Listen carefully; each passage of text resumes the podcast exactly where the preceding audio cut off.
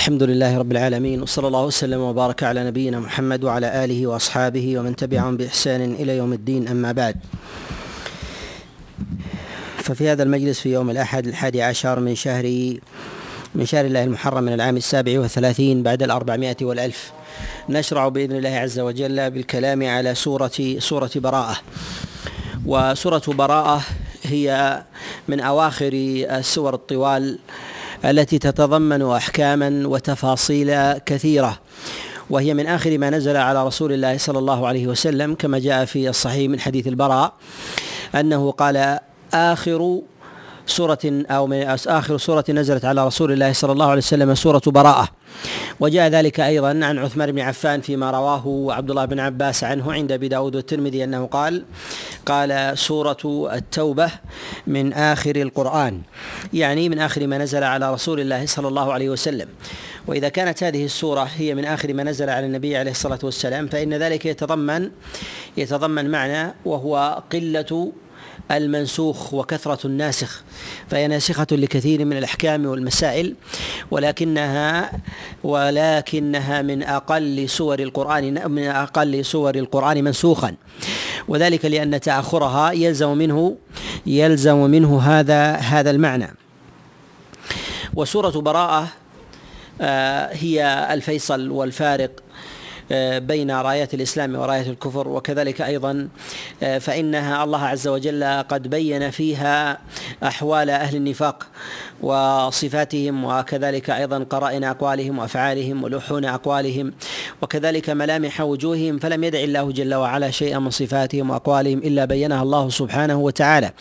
حتى يكون أهل الإيمان على بينة على بينة وجلاء.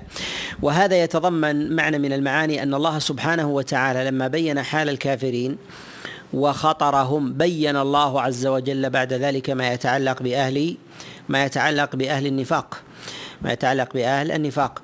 ولماذا كثرت الآيات في كلام الله سبحانه وتعالى ما يتعلق بالعدو الأعظم وهم المشركون والكفار وتأخر ما يتعلق البيان بأحكام المنافقين. ومعلوم أن الله عز وجل قد خص هذه السورة بجملة من الأحكام وأظهرها ما يتعلق بأحكام بأحكام المنافقين. فلماذا تأخرت أحكام المنافقين عن أحكام الكافرين؟ نقول لأن المنافقين لأن المنافقين خطرهم هو بقوة الكافرين. وخطرهم بقوة الكافرين.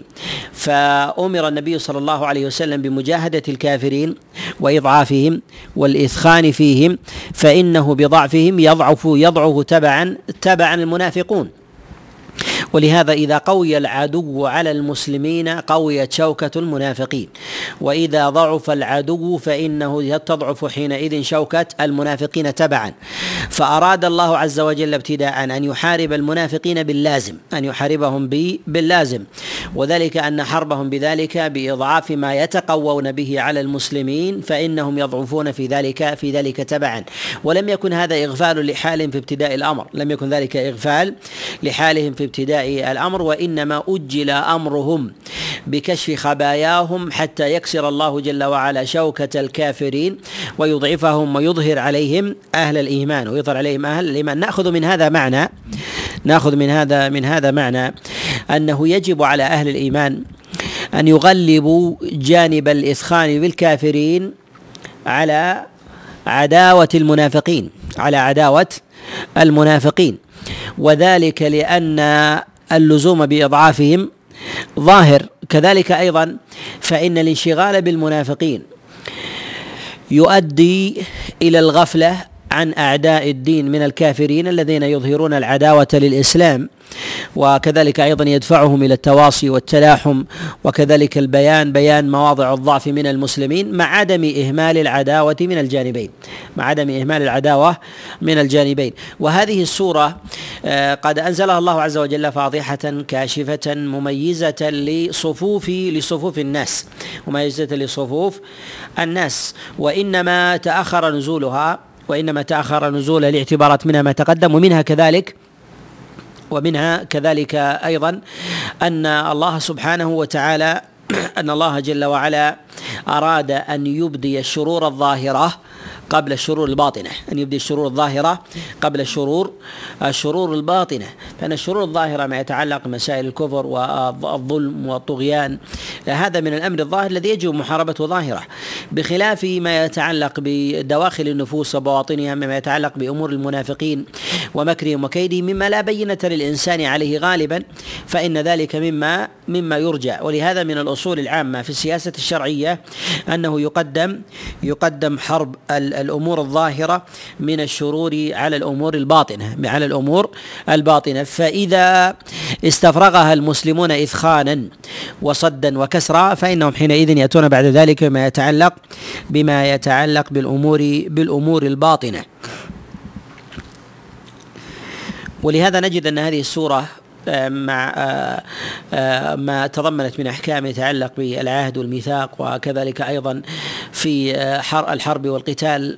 تضمنت أيضا كشفا لأمور المنافقين ولهذا عبد الله بن عباس عليه رضوان الله كان يسميها الفاضحة.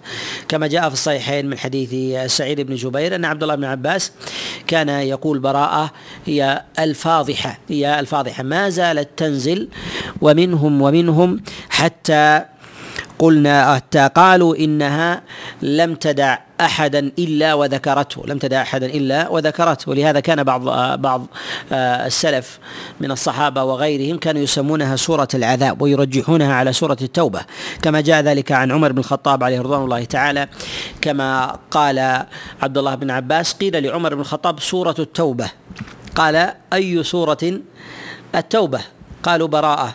قال هي إلى سورة العذاب أدنى من أن تكون سورة التوبة. ما أقلعت حتى قلنا لن تدع منا أحدا لن تدع منا أحدا وذلك أنها ذكرت من الأوصاف من أوصاف الناس ما ما تفضحهم. ولهذا كان أعلم الناس بأحوال الفتن والمنافقين. حذيفة بن اليمان كان يسميها سورة العذاب كما صح من حديث الزر عن حذيفة بن اليمان أنه كان يسميها سورة سورة العذاب. وذلك للوعيد الشديد الذي تضمنته هذه السورة للمنافقين خاصة وللكافرين عامة وللكافرين للكافرين عامة. وكان من السلف أيضا من يسميها المبعثرة وذلك أنها قد أخرجت مكنون المنافقين وكيدهم وشرهم وكذلك أيضا ما يتلبسون به من إظهار حق خديج آه، تسترا تسترا آه، به آه، خوفا ورهبة من من المسلمين. وجاء ذلك وجاء بتسميتها بأنها المبعثرة جاء ذلك عن جماعة عن جماعة من الصحابة. جاء ذلك عن عبد الله بن عمر وجاء ذلك أيضا عن ابن أوفى. وجاء عن غيرهم أيضا آه، ممن جاء بعدهم كما جاء عن أبي عمرو بن العلاء وغيرهم. ونقول ما يتعلق بأمثال هذه المعاني فإنها تتضمن معنى واحد وهو كشف الزيف. وهي كشف الزيف والنفاق الذي يكون بين الذي يكون بين المسلمين مما يتترس به أهل النفاق. مما يتترس به أهل أهل النفاق. ومعلوم أن النفاق يظهر في زمن في زمن الأمن. يظهر في زمن في زمن الأمن وضعف المسلمين. وإذا ضعف المسلمون ظهر النفاق وإذا قوي المسلمون فإنه يضعف النفاق حتى لا يكاد يرى ويظن الإنسان أنه لا يوجد في المسلمين منافق. ولهذا آه، نقول إن جذوة النفاق وبذرته وبذرة النفاق تكون في آه، تكون في حب الدنيا والميل إليها. فإذا وجد في قلب الإنسان حب للدنيا ففي ذلك استزراع واستنبات للنفاق استنبات للنفاق. وكلما كان الإنسان أبعد عن الدنيا فإن النفاق في ذلك في قلبه أضعف. ولهذا لا يوجد في المهاجرين منافق ولهذا لا يوجد في المهاجرين منافق. وإنما النفاق يكون في أهل المدينة. لهذا النفاق يكون في أهل في أهل المدينة. والسبب في ذلك أن المهاجرين قد تركوا الدنيا كلها فأنا يأتيهم النفاق أن يأتيهم النفاق. ولكن لما كان أهل المدينة أتاهم رسول الله صلى الله عليه وسلم وكانوا في أموالهم وفي متاعهم وأزواجهم وأولادهم وغير ذلك كانوا كانوا خليطا. فكان أكثرهم مؤمنون وكان منهم المنافقون وكان منهم وكان منهم المنافقون وهم على مراتب ودرجات كما جاء النبي عليه الصلاة والسلام في حديث حذيفة بن اليمان النبي صلى الله عليه وسلم قال في أصحابه 12 منافقا ثمانية منهم لا يدخلون الجنة حتى يلج الجمل في سم في سم الخياط. وإذا ضعف المسلمون فإن النفاق يظهر ويقوى حتى يكون كفرا. ولهذا كان في مكة قبل هجرة النبي عليه الصلاة والسلام ما كان نفاق إما كفر وإما إيمان. ولكن لما قوي شوكة الإسلامي في في المدينة فإنه حينئذ بدأ النفاق يظهر شيئا من المعارضة ويبدي أكثر الموافقة. وإذا قوي فإنه يظهر المعارضة أكثر. ولهذا حذيفة بن اليمان يقول كما جاء في البخاري يقول المنافقون اليوم شر من المنافقين في زمن النبي عليه الصلاة والسلام. وذلك أنهم كانوا يسرون. واليوم هم يعلنون يعني ذلك أنه في زمن النبي عليه الصلاة والسلام كان الوحي ينزل وقوة المسلمين وشوكتهم أعظم آه، مما يأتي بعد بعد ذلك ولهذا يظهرون من المعارضة والنفاق ما لا يظهرونه في زمن رسول الله صلى الله عليه وسلم. هذه الآية آه، وهي في صدر آه، هذه السورة في سورة براءة جاءت إعلانا لجميع الأمم والشعوب وكان النبي صلى الله عليه وسلم في ابتداء الأمر يهادن أقواما ويعادي يهادن أقواما ويعادي آخرين ويسالم ويوادع ويحارب. فلم يجتمع لرسول الله صلى الله عليه وسلم أن جعل الجميع على حرب إلا بعد نزول هذه السورة إلا بعد نزول هذه السورة إذ جعلهم الله عز وجل إلى أجل معدود وهو إلى إلى أربعة أشهر. ثم بعد ذلك يكون بعد ذلك القتل لجميع الناس القتل لجميع الناس الذين عاندوا وكابروا عن الانقياد لأمر الله سبحانه وتعالى. وهذا يدل على أنه يجب على المسلمين أن تكون أحوالهم بسبب حسب قدرتهم وقوتهم. فقد كان النبي صلى الله عليه وسلم في ابتداء الأمر يهادن و ويقاتل يهادن ويقاتل. فلما قويت شوكته عليه الصلاة والسلام وظهر أمره وضعف الناس في مقابله جعل الناس في ذلك إلى أمد ثم يكونون في حرب تام ثم يكونون بعد ذلك إلى إلى حرب تام. النبي صلى الله عليه وسلم أنزل الله عز وجل عليه هذه السورة في آخر في آخر أمره في آخر أمره. ولم تنزل مرة واحدة. ولم تنزل مرة مرة واحدة وتخللها في ذلك في ذلك نزول نزول سور ونزلت على على أوقات.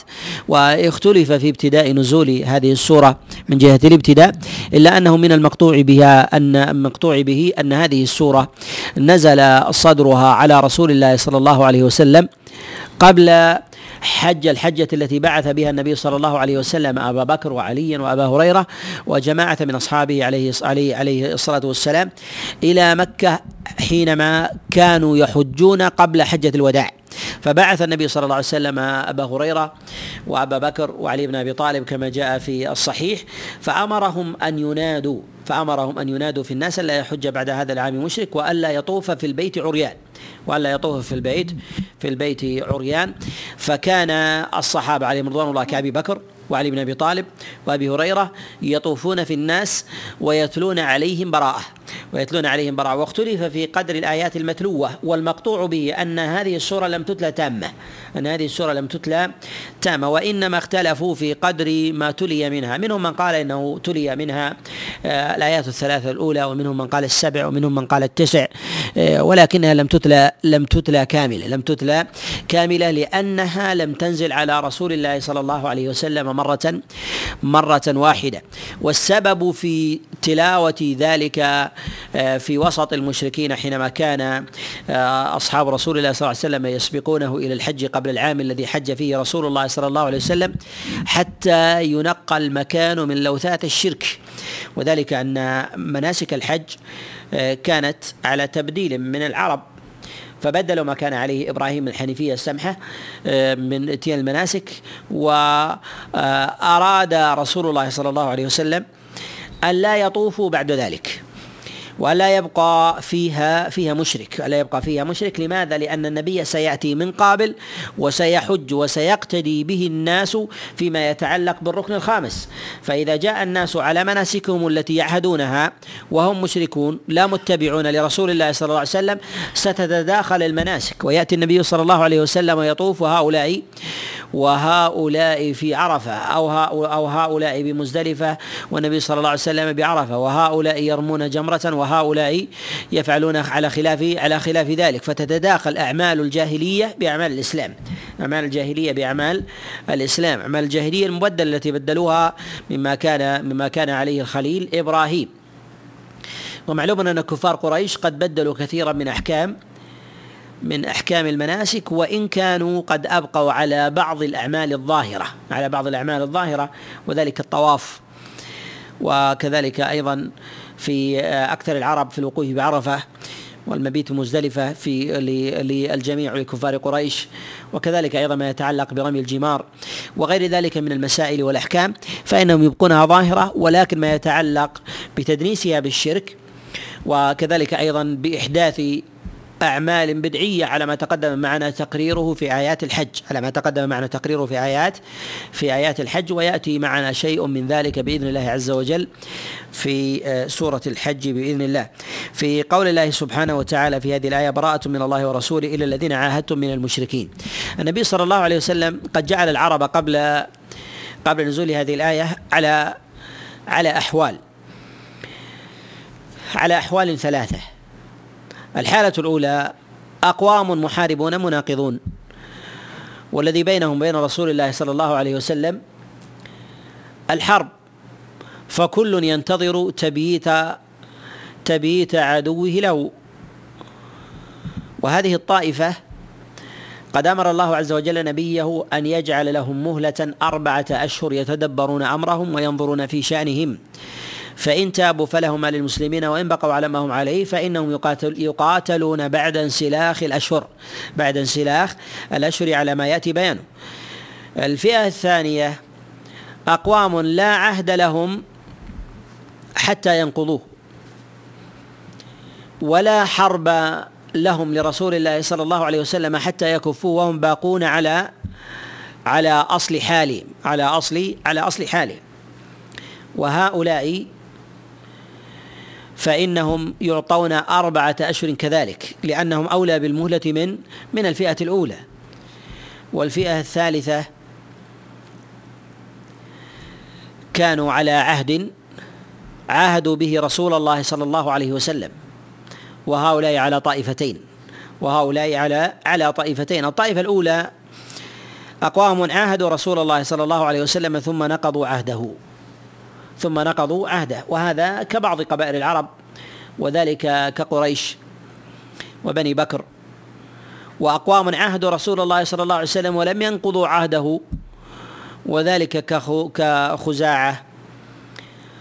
وكذلك أيضا كبني ضمرة وغيرهم من العرب الذين عاهدوا رسول الله صلى الله عليه وسلم ولم ينقضوا ذلك العهد. ونقض العهد يكون بأمرين أن ينقضوه بأنفسهم بعداوة رسول الله صلى الله عليه وسلم أو يكونوا عونا لعدو رسول الله صلى الله عليه وسلم ولو لم يباشروا العداوة بأنفسهم.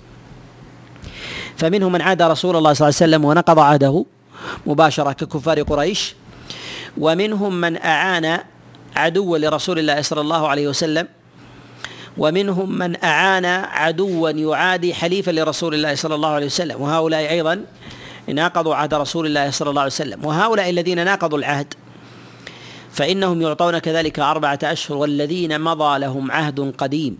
والذين لهم لهم عهد قديم. فاختلف العلماء فيهم. هل هذا العهد الذي أخذوه يلزم منه أن يكون على أربعة أشهر بكل حال ولو كان أكثر من ذلك؟ أم أن عهدهم كذلك إذا كان دون الأربعة أشهر يزاد فيه حتى يكون أربعة أشهر؟ من العلماء من قال إن الله عز وجل قد جعل الأربعة أشهر هي الحد الأقصى للجميع. وأما إذا كان العهد دون ذلك فإنهم يعطون عهدهم ويمضى لهم عهدهم إلى إلى مدتهم التي أعدهم عليها رسول الله صلى الله عليه وسلم. ومنهم من قال إن هؤلاء يمضى إليهم عهدهم ما لم يكن عهدا مطلقا. وذلك أن النبي عليه الصلاة والسلام قد يعاهد عهدا مطلقا لأمة ولا يكون مقيدا بزمان. ولا يكون مقيدا بزمان. فأمر الله بنبذ العهد إلى أجل معلوم. ومن هذا نأخذ دليلا أنه يجوز للمسلمين إذا عاهدوا أمة من الأمم عهدا مطلقا من غير حد معين أن لهم أن ينقضوه ولكن لا ينقضوه إلا إلى أجل معلوم.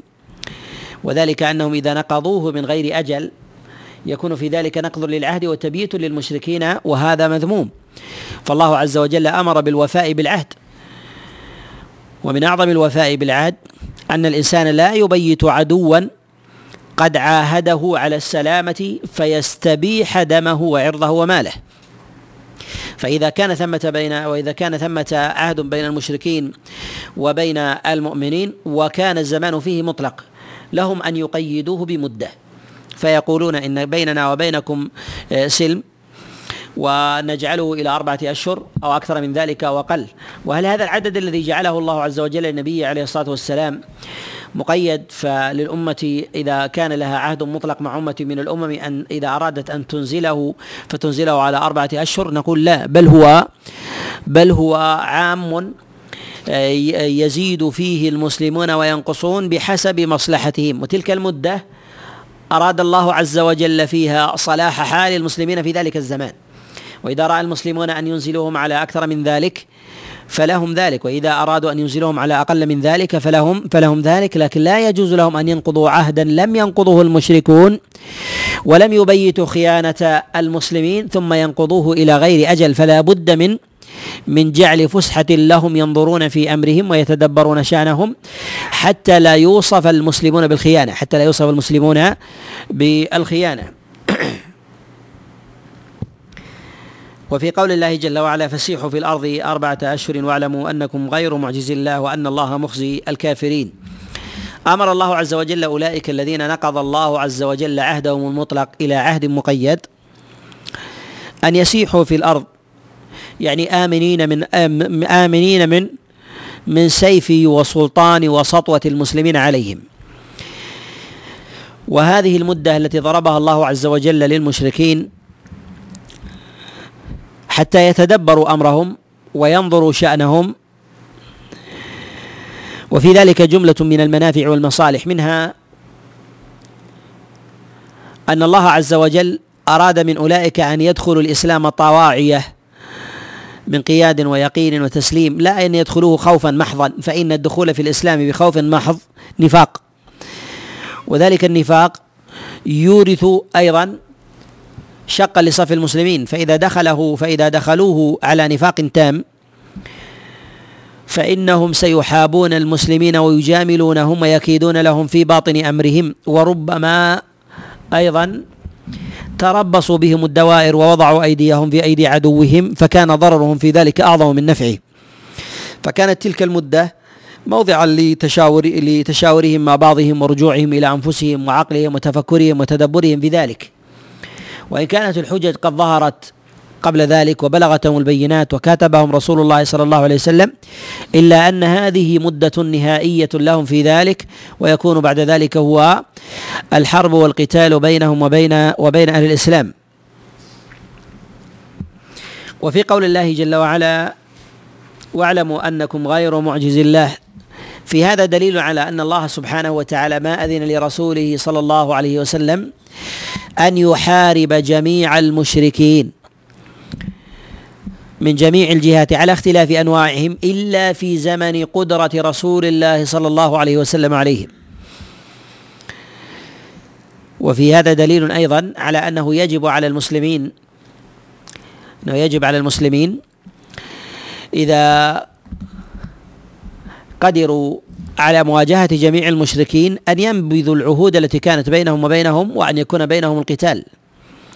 وإذا كان لا قبل لهم على المشركين جميعا فيكون حالهم كحال رسول الله صلى الله عليه وسلم قبل ذلك فيكون حالهم كحال رسول الله صلى الله عليه وسلم قبل قبل ذلك وهو أنه يسالم أقواما ويقاتل آخرين. وذلك لما قويت شوكة النبي صلى الله عليه وسلم وعلم المشركون ذلك أعطاهم جميعا ذلك العهد. وفي هذا إظهار للقوة يعني تحالفتم أم تفرقتم فإنكم مهزومون.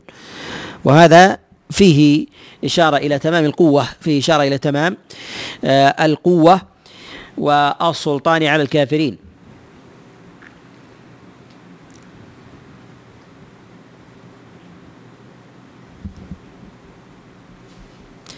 ثم في قول الله عز وجل وأذان من الله ورسوله إلى الناس يوم الحج الأكبر أن الله بريء من المشركين ورسوله.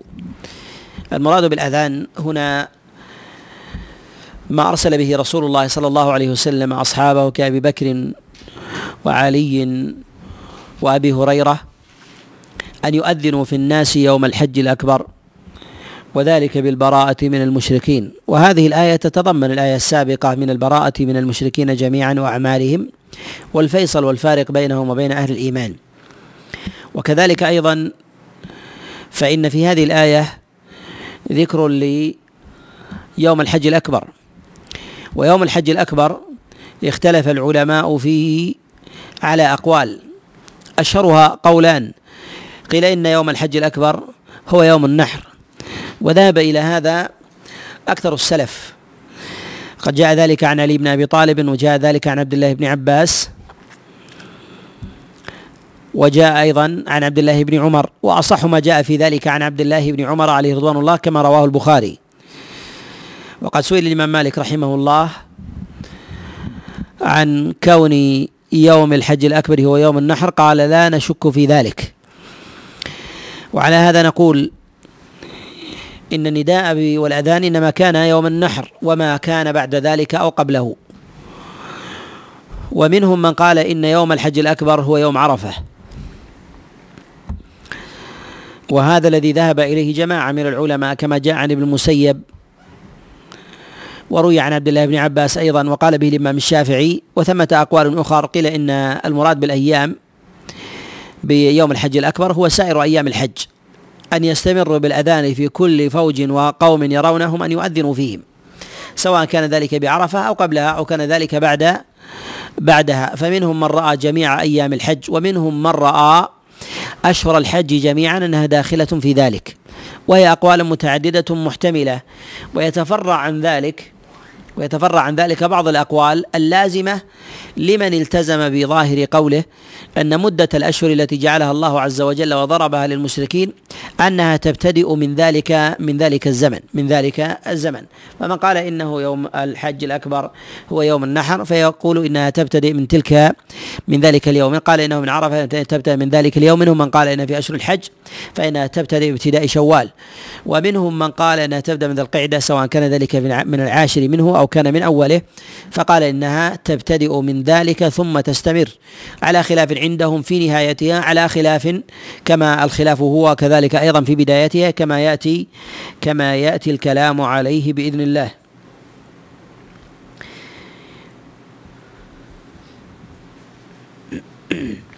في قول الله سبحانه وتعالى أن الله بريء من المشركين ورسوله. مما لا يخفى أن الله عز وجل قد أنزل آيات كثيرة تدل على على المفاصلة والمفارقة بين ملة أهل الإسلام وملة أهل الكفر وكان ذلك بابتداء مقام النبي عليه الصلاة والسلام بمكة وبمبعثه عليه الصلاة والسلام فكانت الآيات تنزل عليه. فهل في هذه الآيات من المعاني الجديدة أم هي تتضمن تأكيدا لما مضى؟ نقول هي تتضمن معاني جديدة وتأكيد لما مضى والتأكيد لما مضى هو إقرار لأن لأن الإسلام لا يمكن أن يجتمع مع مع غيره من الملل المنحرفة. سواء كان ذلك من كتابية محرفة أو كان ذلك من وثنية شركية كما كان عليه العرب أو غيرهم. وفيه من الإضافة في ذلك أن البراءة تلتزم قتالا تاما لجميع المخالفين والمفارقين. جميع المخالفين والمفارقين لرسول الله صلى الله عليه وسلم. ويتضمن ذلك أنه ينبغي ينبغي للمسلمين أن يكثروا من البيان حتى لو أقاموا الحجة مرة فعليهم أن أن أن يعيدوها مرات أن يعيدوها مرات. والعلة في ذلك في بيان آه، في بيان آه، آه، الآيات والأدلة وتكرارها أن ذلك يتضمن أن من النفوس من تأتيها الأدلة في زمن قوة وحب للدنيا وتجبر فتعرض. فإذا تكرر عليها ذلك أثر فيها وربما صادف ذلك زمن ضعف وانكسار أو خوف ووجل أو حزن. فإنها يقبل فإن النفس تقبل في مثل هذه الحال ما لا يقبل في غيرها ما لا تقبل في في غيرها. وفي قول الله سبحانه وتعالى فإن تبتم فهو خير لكم يعني في تلك المدة التي جعلها الله عز وجل آه، مهلة للمشركين جميعا. قال وإن توليتم فاعلموا أنكم غير معجز الله وبشر الذين كفروا بعذاب أليم. وذلك بالعذاب الآجل وذلك بالقتال. بقتال رسول الله صلى الله عليه وسلم لهم وبالعقاب الذي أعده الله عز وجل لمن مات على الكفر يوم القيامة.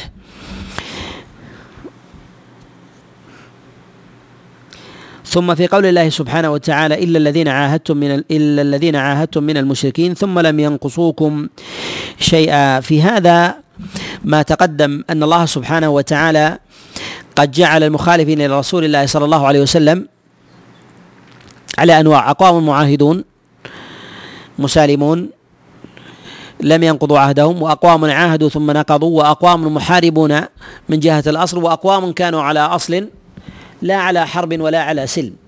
لا على حرب ولا ولا على سلم. منهم من بلغه بلغته دعوة ومنهم من لم تبلغه دعوة إلا أنهم لم يعادوا رسول الله صلى الله عليه وسلم وأصحابه ولم كذا ولا ولم يعادوا ولم يعادهم رسول الله صلى الله عليه وسلم فيبدأهم بقتال فيبدأهم فيبدأهم بقتال. هنا استثنى الله سبحانه وتعالى من كان معاهدا ولم ينقض وينقص رسول الله صلى الله عليه وسلم عهده. وفي هذا آه، الدليل أيضا على أن العهد إذا أبرمه المسلمون مع المشركين ونقصوا بعضه. ونقصوا بعضه فإن ذلك النقصان فإن ذلك النقصان يلغي جميع العهد يلغي جميع جميع العهد. ولا يلزم من ذلك أن تلتغي جميع بنوده وأن تنقض جميع شروطه. فإذا انتقض عهد واحد أو شرط واحد مما شارط المسلمون عليه المشركين فإنه ينتقض عهدهم فإنه ينتقض عهدهم جميعا. ثم في قول الله عز وجل ولم يظاهروا عليكم أح ولم يظاهروا عليكم أحدا. نقض العهد يكون في صورتين. نقض العهد يكون يكون في صورتين. الصورة الأولى يكون بأن تنقض تلك الطائفة التي عاهدت المشركين العهد بنفسها. أن تنقض العهد بنفسها. فهذا هو النقض الذي يكون بلا واسطة. الثاني أن تنقض الفئة المعاهدة العهد بواسطة غيرها بواسطة غيرها. وهذا له صورتان. الصورة الأولى أن تنقض تلك الطائفة العهد بإعانة طائفة أخرى على المسلمين على المسلمين.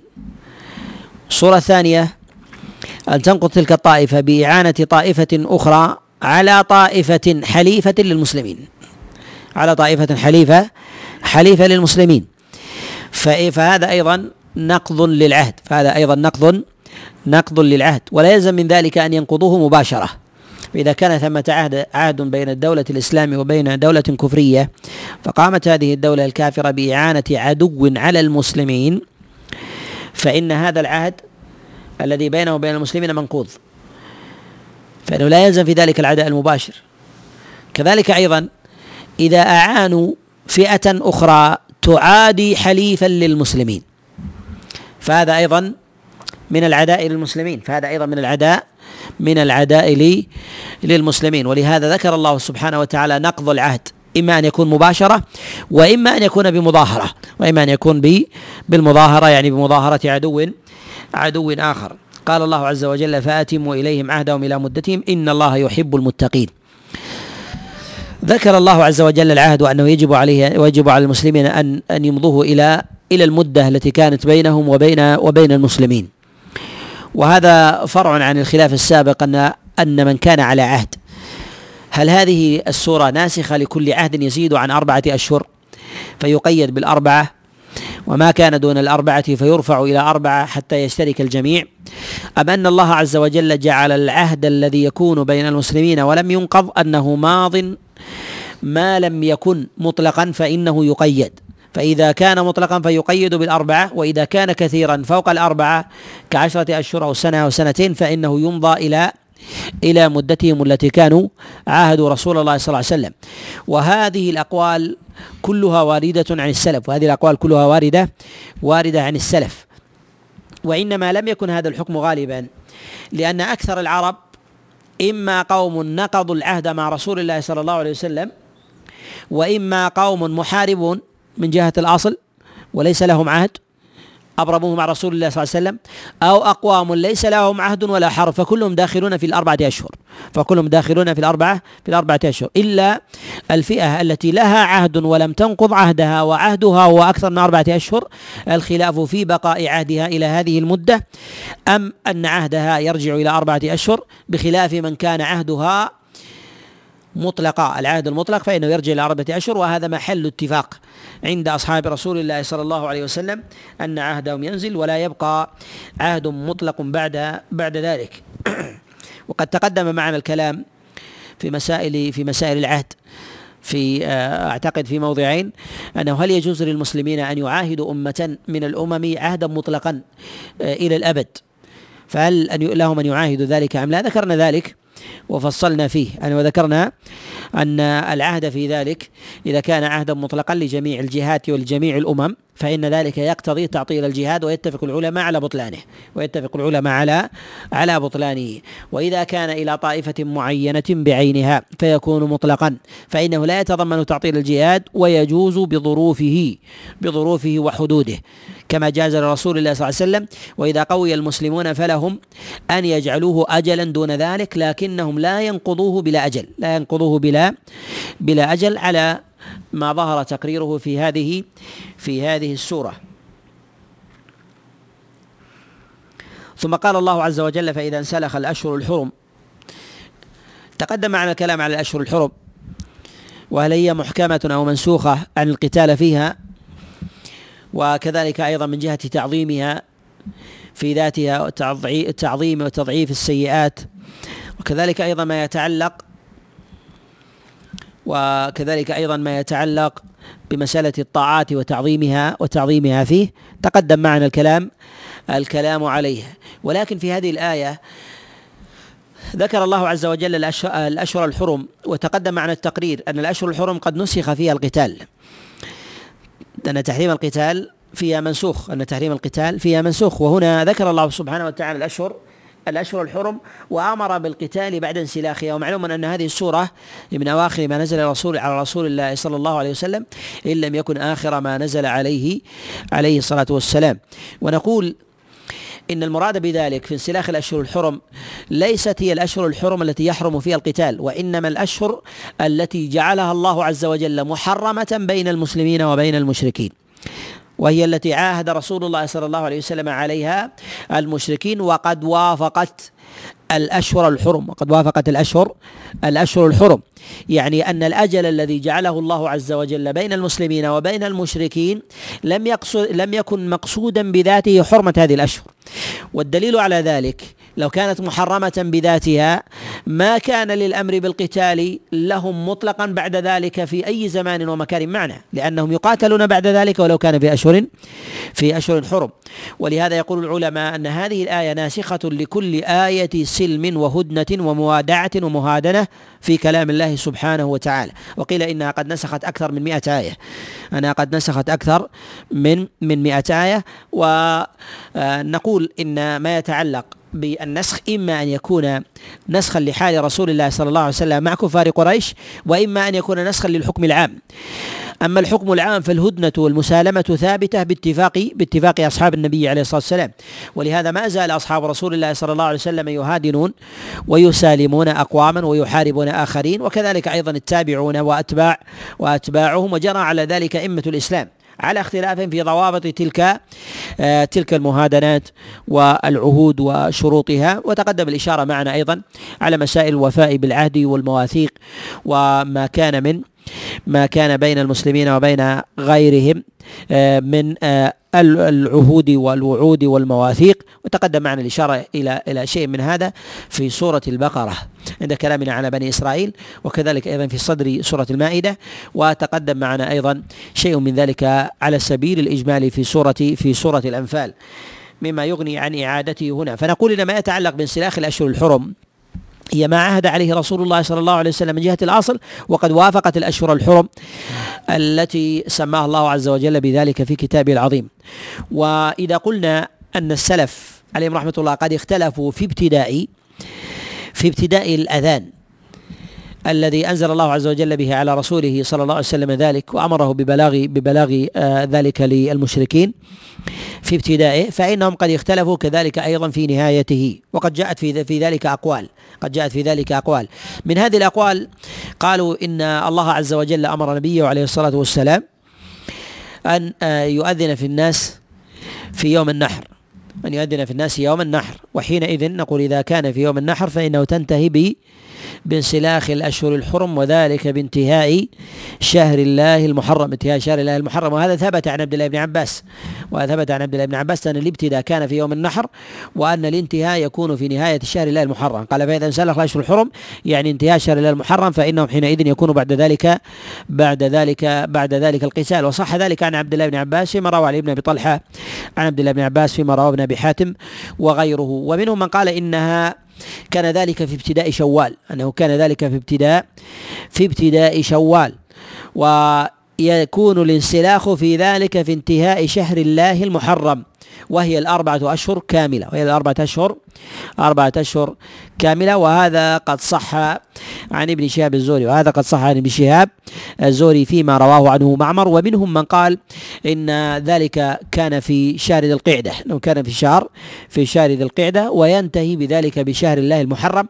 ومنهم من قال إن ذلك كان في ابتداء شوال ولكنه ينتهي بآخر الأشهر الحرم الحرم المنفرد وهو رجب. وهذا قد رواه جعفر بن محمد عن أبيه فيما رواه ابن أبي حاتم وغيره. على كل نقول إن هذا الخلاف هو خلاف في تلك النازلة.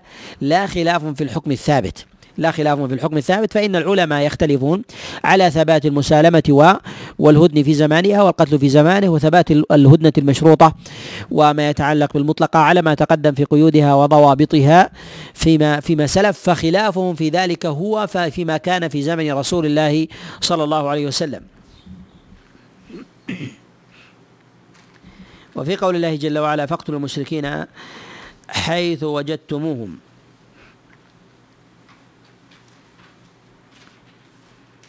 واحصروهم واقعدوا لهم كل مرصد. هذا فيه إشارة إلى التربص بالمشركين وتحينهم أيضا وفيه جواز أخذهم على غرة وفيه جواز المخادعة والتبييت تبييت العدو من حيث لا يشعر. واخذه على غرة في ليل أو نهار. ولهذا أمر الله عز وجل بأخذهم بعد تلك المدة والقعود لهم كل كل مرصد في ليل أو نهار في في سفر أو في حضر. قال فإن تابوا وأقاموا الصلاة وآتوا الزكاة.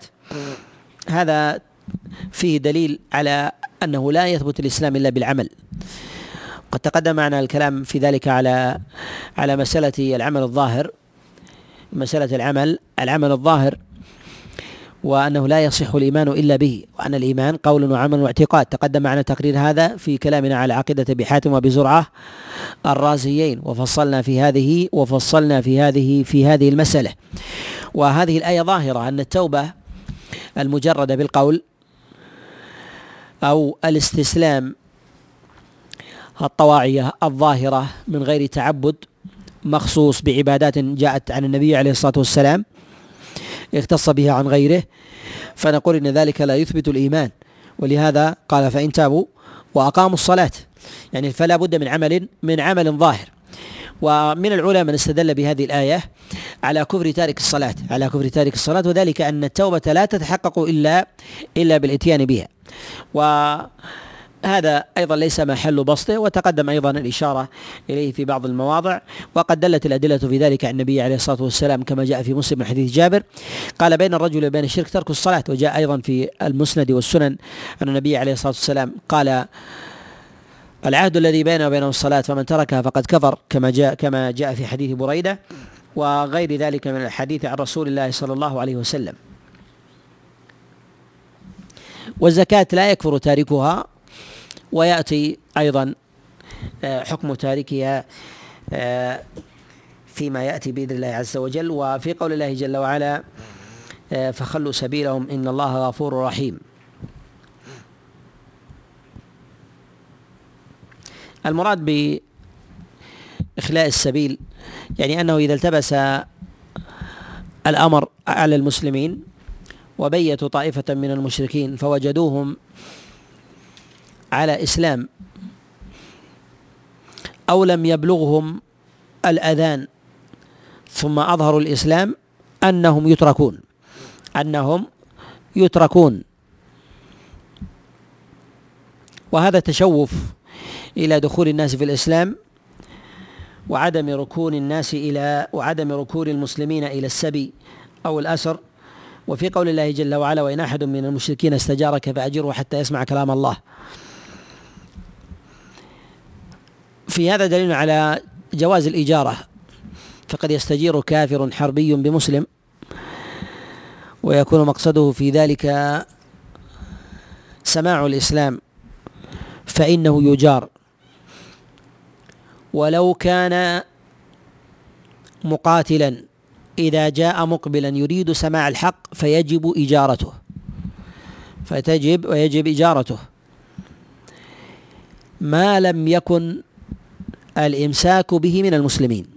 فإذا جاء بنفسه منقادا مستجيرا فيجب أن يجار.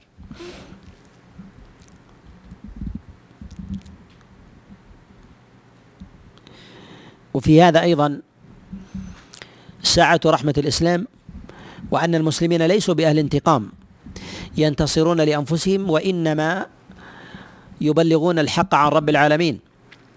فإذا كان المشرك قد أصاب من المسلمين وقتل فيهم ثم استجار بالمسلمين يريد سماع الحق ولم يقدروا عليه قبل ذلك فيجب عليهم أن يجيروه. فإذا سمعوا الحق فإذا أسمعوه الحق فقبل فإنه يبقى وإذا سمع الحق ولم يقبله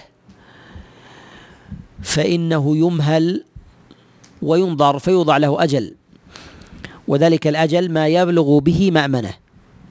كأن يكون مثلا أماني يوم وليلة أو أماني ليلة أبلغ بها أهلي أو أبلغ بها داري أو أستتر عنكم أو غير ذلك لأنه جاء بنفسه ما جيء به. فإنه يترك. فإنه فإنه يترك. ولا يجوز قتله إذا أبى الإسلام. لأنه ليس بأسير وإنما مستجير. والشريعة تفرق بين الأجير وبين المستجير. فإن الأسير فإن الأسير هو الذي أخذه المسلمون رغما عنه. وأما بالنسبة للمستجير فهو الذي جاء بنفسه إلى المسلمين.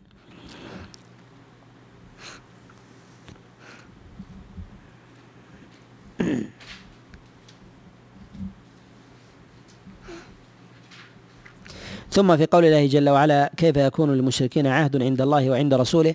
في هذا دليل الخطاب ومفهومه أن أن ما يتعلق بالعهد يجب الوفاء به. وأن من لم يكن له عهد فإنه يمضى إليه ذلك. ومن نقض العهد فإنه يقاتل. ومن نقض العهد فإنه فإنه يقاتل. إلا ما تعلق بتلك المدة المخصوصة التي قيدها الله عز وجل لنبيه عليه الصلاة والسلام. قد يؤخذ من هذه الآية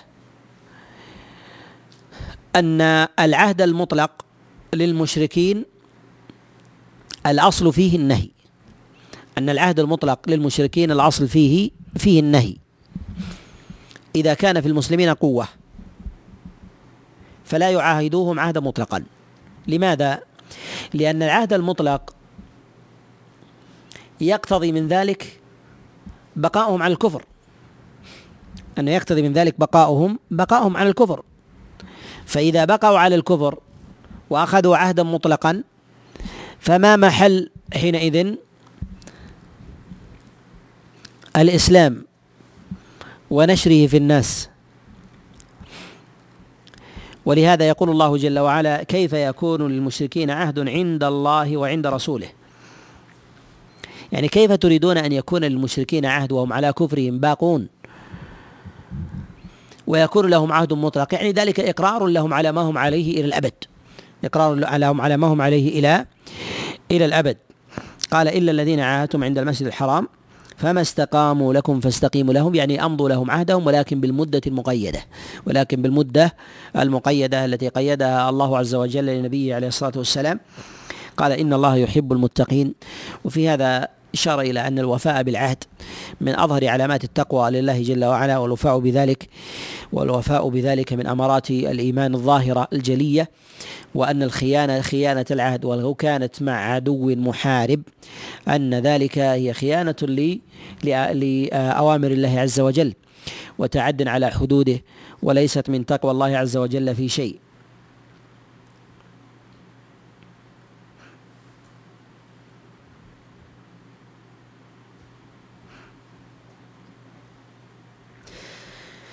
ثم في قول الله جل وعلا وإن نكثوا أيمانهم من بعد عهدهم وطعنوا في دينكم فقاتلوا أئمة الكفر. الأولى فيها دليل الخطاب على مسألة الوفاء بالعهد ومقاتلة ناقضه. وهذه صريح خطاب أن من نقض العهد فإنه يقاتل. فإنه فإنه يقاتل. وهنا ذكر الله عز وجل أمرين ووصفين لمن نقض العهد. أنهم نقضوا العهد في ذاته وطعنوا في الدين بخصوصه. وطعنوا في الدين بخصوصه. ومعلوم أن المسلمين قد يعاهدوا المشركين على أمر لا يتعلق بخصوص الدين مباشرة. وذلك كأن يعاهدوهم ألا يعتدوا على حليف لهم أو يعاهدوهم على ألا يعتدوا على مسافر أو عابر أو على أمال لهم. فلا يكون متمحضا يتعلق بأمر بأمر الدين. وذكر الله عز وجل وصفا ثانيا في ذلك هو ما يتعلق بمسألة أمر الدين. وأنهم إذا طعنوا في دين الله فقد نقضوا العهد الذي كان بينهم وبين المسلمين. فما المراد بطعنهم بدين الله؟ وهم كفرة ومشركون من جهة الأصل يطعنون بدين الله سبحانه وتعالى من أصل معتقدهم ولا يرون صحته. وربما استهزأوا وسخروا وسخروا فيه. فالمراد فما المراد بنقض العهد هنا بالطعن بالدين؟ نقول المراد بذلك أن يجهروا بالطعن بدين الإسلام. أن يجهروا بالطعن بدين بدين الإسلام. وهل الطعن بالجار بدين الإسلام يعتبر ناقضا للعهد مجردا ولو لم يكن من بنود العقد وشروطه؟ ولا يكن من بنود العهد وشروطه. نقول جماهير العلماء على أن الطعن في دين الله سواء كان طعنا في ذات الله أو كان في رسول الله أو كان في شريعة الله أن ذلك نقض للعهد ولو لم يكن ولو لم يكن منصوصا في العهد والميثاق الذي بينه وبين الإسلام. وهذا الذي ذهب إليه جماهير العلماء خلافا لأبي حنيفة فإنه قال إنهم كانوا على ذلك وهم على كفر هو أشد مما يقعون فيه. وجمهور العلماء إنما ينازعون في الإظهار لا ينازعون في وجود في وجود الطعن في الدين. وإنما ذكرت الشريعة ذلك والله عز وجل قد عاهد كفار قريش بأمر رسول الله صلى الله عليه وسلم بذلك والله عز وجل يعلم ورسوله يعلم أنهم فيما بينهم يطعنون في رسول الله صلى الله عليه وسلم وفي دينه وفي أثناء ذلك العهد. ومعلوم أنه ليس المراد بذلك هو مجرد الطعن وإنما المراد بذلك هو إظهاره. إظهاره في خارجهم وذلك كان يظهروه مثلا في وسائل الإعلام ويصدره إلى الناس أو يكون ذلك مثلا في ميادين في غير ما في غير في غير ميادينه في ميادين في غير ميادينهم فإن ذلك يعد ناقضا. ويدل على ذلك أن الله عز وجل قد ذكر هنا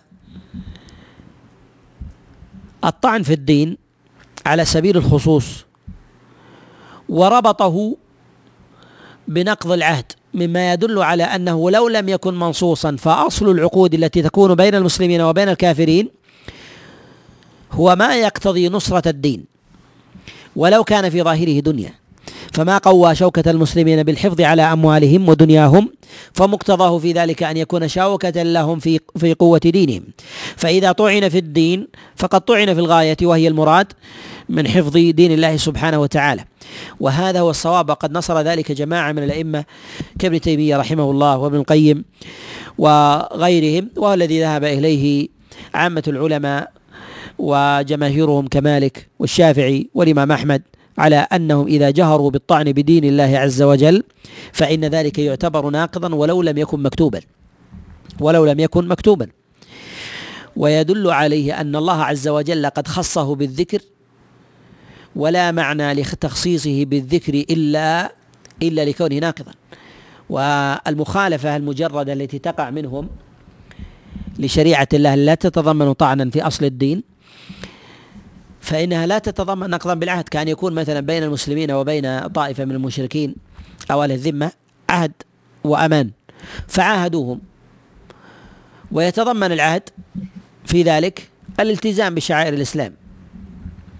ووجد منهم من شرب الخمر علانية أو أكل لحم الخنزير. فما هو الحكم فيه؟ هل هذا يبطل الأصل العهد؟ أم يوجب عليه الحد؟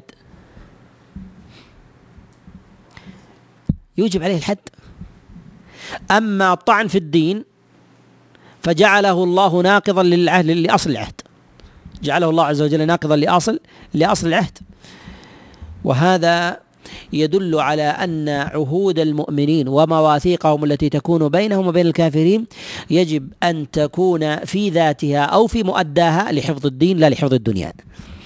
لا لحفظ الدنيا مجردة. ولهذا ذكر الله عز وجل عهدهم مع المشركين وذكر طعنهم في الدين.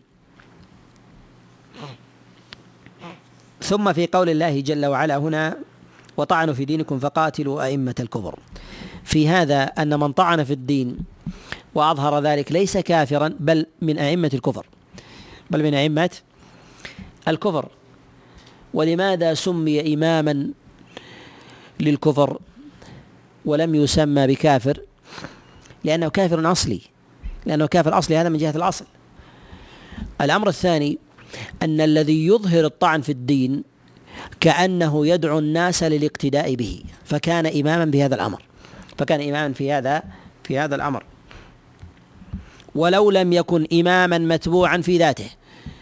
فيسمى رأسا من رؤوس الكفر وإماما من أئمة من أئمة الكفر. قال إنهم لا أيمان لهم لعلهم ينتهون. وبهذا النص أخذ جمهور العلماء على أن الطعن في الدين يعتبر ناقضا للعهد. وإذا طعن الذم في دين الله عز وجل فإنه آه، فإنه يقتل.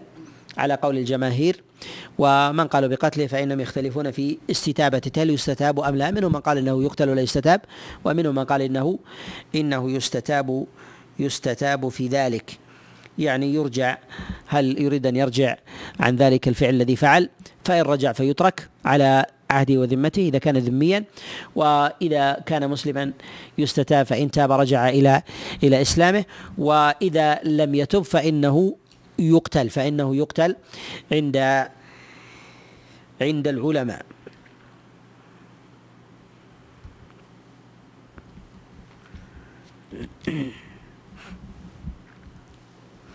ثم قال الله عز وجل بعد ذلك قاتلوهم يعذبهم الله بأيديكم ويخزيهم وينصركم عليهم ويشفي صدور قوم مؤمنين. ذكر الله عز وجل القتال قتال المشركين المناقضين لعهد الله عز وجل وعهد رسوله وذكر الله عز وجل تعذيبهم بأيدي المؤمنين وبأيدي وبأمر الله عز وجل ويخزيهم الله سبحانه وتعالى ويذلهم ويكتب الله عز وجل الصغار عليهم بقتال المسلمين لهم. ذكر الله عز وجل لتعذيب المشركين بأيدي المؤمنين المراد بذلك هو قتالهم في الحرب عند المواجهة. وقد تقدم معنا التفصيل آه، في مسألة مواجهة الكافرين أنه يضرب الكافر كيفما اتفق إذا كان ذلك في زمن قتل والتقاء الصفين. وأما إذا كان في الآسر فإنه لا يضرب منه إلا إلا ما كان مشروعا عند إرادة قتله على ما تقدم تفصيله على ما تقدم تفصيله. والمراد بهذه الآية هي أنه النوع الأول. المراد بهذه الآية هو النوع الأول. وما يتعلق بمسألة الأسير تقدم إلى أن الشريعة قد حرم حرمت تعذيب الأسرى. كما جاء عند الطبراني أن النبي صلى الله عليه وسلم قال استوصوا بالأسرى خيرا. استوصوا بالأسرى بالأسرى خيرا. وكذلك أيضا آه، جاء عن رسول الله صلى الله عليه وسلم أنه قال إن الله يعذب الذين يعذبون الناس في الدنيا كما جاء عند الإمام مسلم وغيره. وكذلك قد روى الواقدي وغيره أن النبي صلى الله عليه وسلم قد مر بأقوام من بني قريظة قبل مقتلهم. فقال رسول الله صلى الله عليه وسلم وقد أخذهم العطش. فقال النبي عليه الصلاة والسلام لا تجمعوا لهم حر الشمس وحر السيف حر الشمس وحر السيف فأسقوهم. فأمر النبي عليه الصلاة والسلام بسقياهم مع أن النبي عليه الصلاة والسلام يريد قتلهم. ويختلف العلماء في الأسير هل يعذب أو لا يعذب. وتقدم معنا الكلام على هذه على هذه المسألة. ولم يثبت عن رسول الله صلى الله عليه وسلم في تعذيب الأسير دليل. يجيز ولكن ثمت في ذلك آثار بعض الأخبار المروية لما أذن النبي عليه الصلاة والسلام للزبير آه، أن آه، أن يمس آه، رجلا من اليهود بعذاب لما أخفى كنوز حيي بن أخطب. فقال أهلكتها النفقة والقتال. فأذن النبي عليه الصلاة والسلام للزبير أن يمسه بعذاب. وقد تكلم قد تكلم في ذلك. وقد سئل الإمام مالك رحمه الله عن تعذيب الأسير. قال لم أسمع بذلك من شيء. لم أسمع بذلك من شيء. فإذا أراد المسلمون أن يقتلوا أسيرا بعينه فإنهم يقتلوه من المقتلة التي يحسنون يحسنون فيها إليه ويريحونه. فلا يجوز أن يقتل من موضع يبطئ قتله. وذلك كأن يضرب بوسطه. أو مثلا بإحشائه أو غير ذلك من موضع يتأخر قتله. فلهذا آه، قد كره غير واحد ذلك قد كره غير واحد ذلك كما كرهه الإمام مالك رحمه الله وغيره. تقدم معنا الكلام على هذه المسألة آه، في سورة الأنفال. تقدم معنا أيضا الكلام عليها في موضع سابق. أسأل الله عز وجل أن ينفعني وإياكم بما سمعنا وأن يجعل حجة لنا لا علينا. وصلى الله وسلم وبارك على نبينا محمد. نعم